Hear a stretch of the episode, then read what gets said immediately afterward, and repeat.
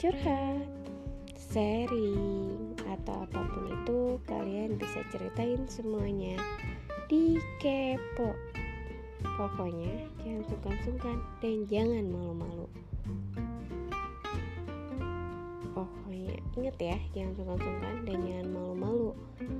Dan pantengin terus dan dengerin terus. Kepo.